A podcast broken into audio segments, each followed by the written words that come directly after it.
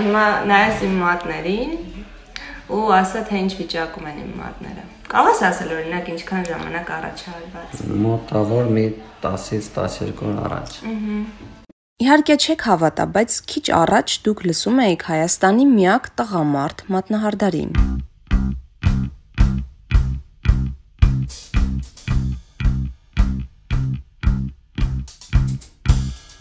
Բարև ձեզ, ես Մարիամն եմ ու հենց այս պահին դուք լսում եք իմ ռադիոն։ Մնացեք մեզ հետ, որովհետև առաջիկա 10 րոպեների ընթացքում կարծրատիպեր են, որ կոտրելու ենք։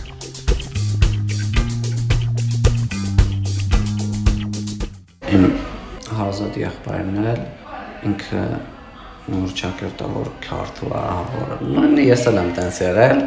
Արման, ընկերներդ ո՞նց են արձագանքել այս Ընկերներս իրոք իրենց համար կարելի ասել շոկ էր, որովհետև ես միշտ սպորտսման եմ եղել, պարապել եմ իրանց հետ, մի բակում մեծացել ենք, սովորում եմ ֆիզկուլտուրա ինստիտուտում։ Բանակից զորացրվելուց հետո որոշեցի, որ ինձ նոր մասնագիտություն ապեր չէի ուզում սպորտով էլ շարունակել։ Որոշել էի կանացի վարսահարդար դառնալ։ Իմ հարցը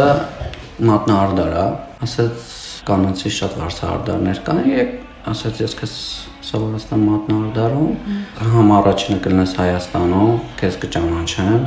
համեն լավ գործանես, կարող ես լավ նոմերներ վաստակել։ Ընդհանրապես գաղափար չունեի մատնահարդարումից, ասեցի փորձեմ տեսնեմ ոնց կստացվի ու ինձ այդ սովորող կային մոտ խմբակայիններ, մոտ 3-4 աղջիկ էլի ու ոնց որ ամենալավը ինձ մոտ էր ստացվում բայց աշխատանքից դուրս չէ եկել, ես էլ աշխատում եմ էլի ապակու գործանում որ ընտրում եմ ինչ-որ մի բան, փորձում եմ լինել ոչ թե առաջինը, այլ լավագույններից։ Ամենաշատը գրավեց այն միտքը, որ չկա այդ գործում տաղա մատնահարդար, ես կլինեմ առաջինը, ինձ կսկսեն ճանաչել, կկարողանամ բավարար գումարով վաստակել։ Ասացի փորձեմ, ընկերներս կոպիտ ասած չէին ընդունում, շատ Իսկ այդ կոպիտ ասած չընդունել օրինակ ո՞նց ապահովում։ Դե, ասենց ասեմ, Բակում ենք մեծացել, այն որ կոպիտ ասած քուչի կյանքով ենք ապրել ու այն որ մատնարդար, որ չէ, էլի այս գարքի։ Հա, ինչ ուզում ես մենակ։ Հա։ Հարման իսկ շփում կապ կա իրենց հետ։ Կա, բայց ժամանակի խնդիր է, շատ քիչ է մեր կապը արդեն լինում, կարելի ասել կարող մի ամսվա մեջ մի անգամ, երկու անգամ զես տեսնում ենք աշխատանքից հետո էլի։ Արմանին տարիներ առաջ եմ հանդիպել Instagram-ում։ Այն ժամանակ էջում մի քանի կանացի մատների լուսանկարներ կային։ Այսօր արդեն սեփական սրահի, աշակերտների ու բազմաթիվ հաջողված գործերի լուսանկարներով է ողողված էջը։ Նորմալ վաստակում ես, քեզ հերիքում է ապրելու նորմալ, եթե դու միայն այս գործն ես անում, այսինքն եթե դու աշակերտ օրինակ չպահես ու շաբաթվա, չգիտեմ, 7 օրը զբաղվես քո մասնագիտությամբ։ Իհարկե մոտավոր ես ստանում եմ այնպես բավարար գումար, որ կարող եմ համ իմ հարցերը լուծել, համ օգնել ընտանիքին,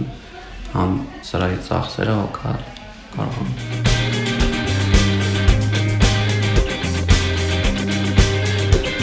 Արմանն աշխատել է ապակու գործարանում։ Ված չի վաստակել, բայց ինչպես հասկացաք, ոլորտում միակը լինելու գայթակղությունն ավելին է եղել։ Հենց այդ ժամանակ էլ քաղաքի հայտնի սրահներից մեկից առաջարկ է ստացել։ Իսկ իրանք օրինակ քեզ ոնց էին գտել Instagram-ով։ Այսինքն այդ ժամանակ edge ուներ ու edge բացել է զուտ ծանոթ մարդկանց մատերեսակ է իմ սովորելու ընթացքում նկարներ, վիդեոներ, տենց բան է գցել նկարներ, տեսել էին աշխատանքներս ինձ մի քանի օր ընդդել լինելուց հետո որոշեցի աշխատանքից հելնեմ մյուս։ Հետո փոշմանում էի որ դուրս եմ եկել, որովհետև սկզբնական շրջանում աղջիկները, չգիտեմ, ամանչում էին, քաշվում էին, չէին ուզում իմ մոտ նստել, սպասարկվել մտածում էի ես խիհել եմ աշխատանքից, որովհետև ունեի ես ստաբիլ ամսվա մեջ եկամուտ, իսկ հիմա չունեմ ու այն որ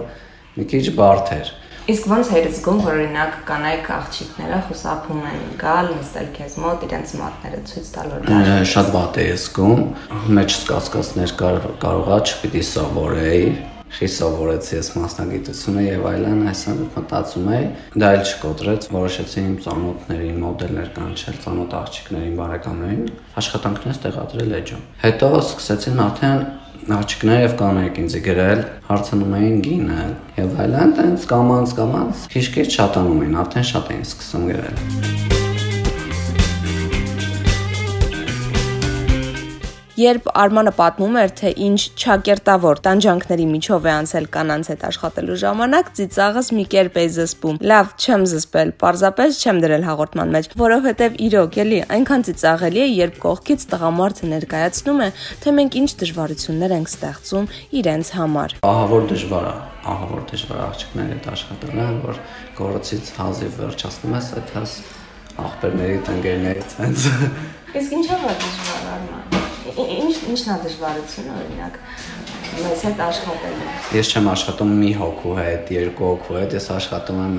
մի քանի աղջիկների հետ ու ամեն ամիս իրանք փոխվում են։ Իրանց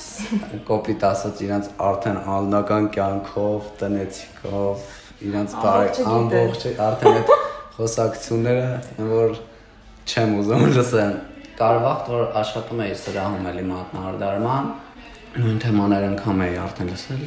չէի ուզում մտնել սրա։ Գալիս էի, որ հաճախորդ չէի լինում դուրսը։ Դուրսը ունեի հարմարանք, նստում էի, ծխում էի, բան։ Կամոր չեթամ իրանց մեջ, չմասնակցեմ այդ ամեն ինչի։ Անհետաքրքիր էր իմ համար արդեն այդ ամեն ինչը։ Այսինքն դա միֆ չի, որ երբ որ գնում ես գնում ես մատնահարդարի մոտ, տենց լիքը մեմեր կան հումորային ինչ որ բաներ, որ երբ որ գնում ես մատնահարդարի մոտ, աշխատի քեզ զսպես, որ կյանքը չպատմես մատնահարդարից։ Բայց կանանց մոտ ոնց որ կապ չունի տղամարդը մատնահարդարը թե կին, իրենք միևնույնն է պատմում են։ Միևնույնն է պատմում են, ունեմ իրակում այնց հաճախորդներ։ Ուզում հասկանամ ոնց են վստահում քեզ, որ Դե առաջի անգամը չէ, այդ պատմող հաճախորդները արդեն իմ մոտ երկար ժամանակ են գալիս, մոտիկացել ենք, ավելի հարազատ եւ այլն, տենց սկսում են։ Իսկ դու միայն լսում ես, թե feedback ես տալիս, ասենք, ինչ որ խորհուրդ ես տալիս կամ չի։ Հիմնական լսում եմ, բայց որ ունենում են խորհրդի կարիք, որ խորհուրդ են հարցնում, փորձում եմ օգտակար լինել ինչ-որ բանով։ Նու որպես հակառակ սերի ներկայացուցիչ, ինձ շատ են ասում դու հակառակ սերի ներկայացուցիչ ես, հարցը ոնց կլինես։ Արմանի մասնագիտական կյանքն այնքան հետաքրքիր է անցել, որ եթե որոշեինք ամբողջը պատմել, ժամանակը չէր հերիքելու։ Ընթացքում այնքան դժվարությունների է բախվել, որ անգամ այդքան ճանապարհն անցնելուց հետո էլ մտածել է. լավ, կարող է իրոք տղերքը ճիշտ էին, կարող է մնայի ապակու գործարանում, բայց պետք էր եւ նմանատիպ այլ մտքեր։ Ես ընտրելուց առաջ այս մասնագիտությունը մտածում էի, որ գալու է տենց օր, որ ինչ որ հարցի շուրջ եմ կանգնելու, որ կշարունակեմ, թե չէ, որովհետև ընտրությունից հետո որ նկարներ էի գցում, ինձ շատ էին քննադատում կայքերում, ոնց կարող տղամարդը աղջկա գործանի, տղուն սազականչի եւ հնչում էր այնց կոմենտարիաներ, որ դուք հաստատ նորմալ տղա չեք։ Էլի սենց ես մտարումների մեջ էի շարունակեմ, թե չէ, ինչ ճանաչողները արդեն այնպես բաներ էին խոսում ու եղել է դեպք նաև, որ ես տղամարդու մատնահարդարում եմ արել, ու ինքը ճանաչված ինչ-որ մարդ է, որ ինձ ռեկլամաներ գցեր իր մեջ, այդ մեր նկարը հայտնվել էր ինչ-որ քննարկում են աղջիկեր գրուպայում ու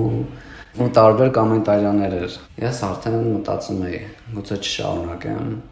հասկացա, որ պետք է շատ ուշադրություն դարձնել ինձ ճանաչող ինձ հարազատ մարդիկ բոլորն էլ ինձ գիտեն, ճանաչում են, իսկ կողքիների կոմենտարիաները արդեն պետք է երկրորդական դերում լինի։ Այսօր բոլորի հետևից կարող են խոսան թե լավը, թե վատը, որոշեցի շարունակեմ։ Եթե ընտրել եմ ես, պիտի գնամ առաջ, պիտի միջև վերջ գնամ։ Էլի առաջինը չլինեմ, բայց պիտի լավագույններից լինեմ։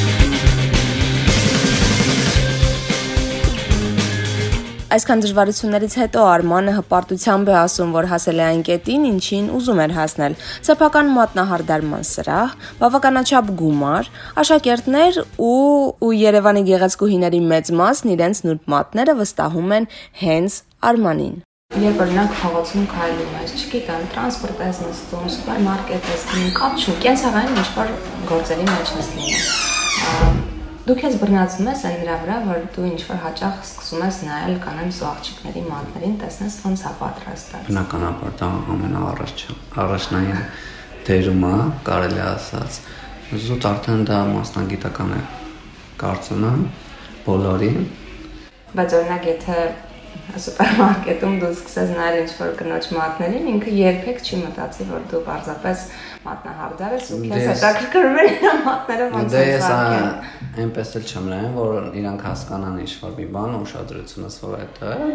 աշկի տակով անցնում է։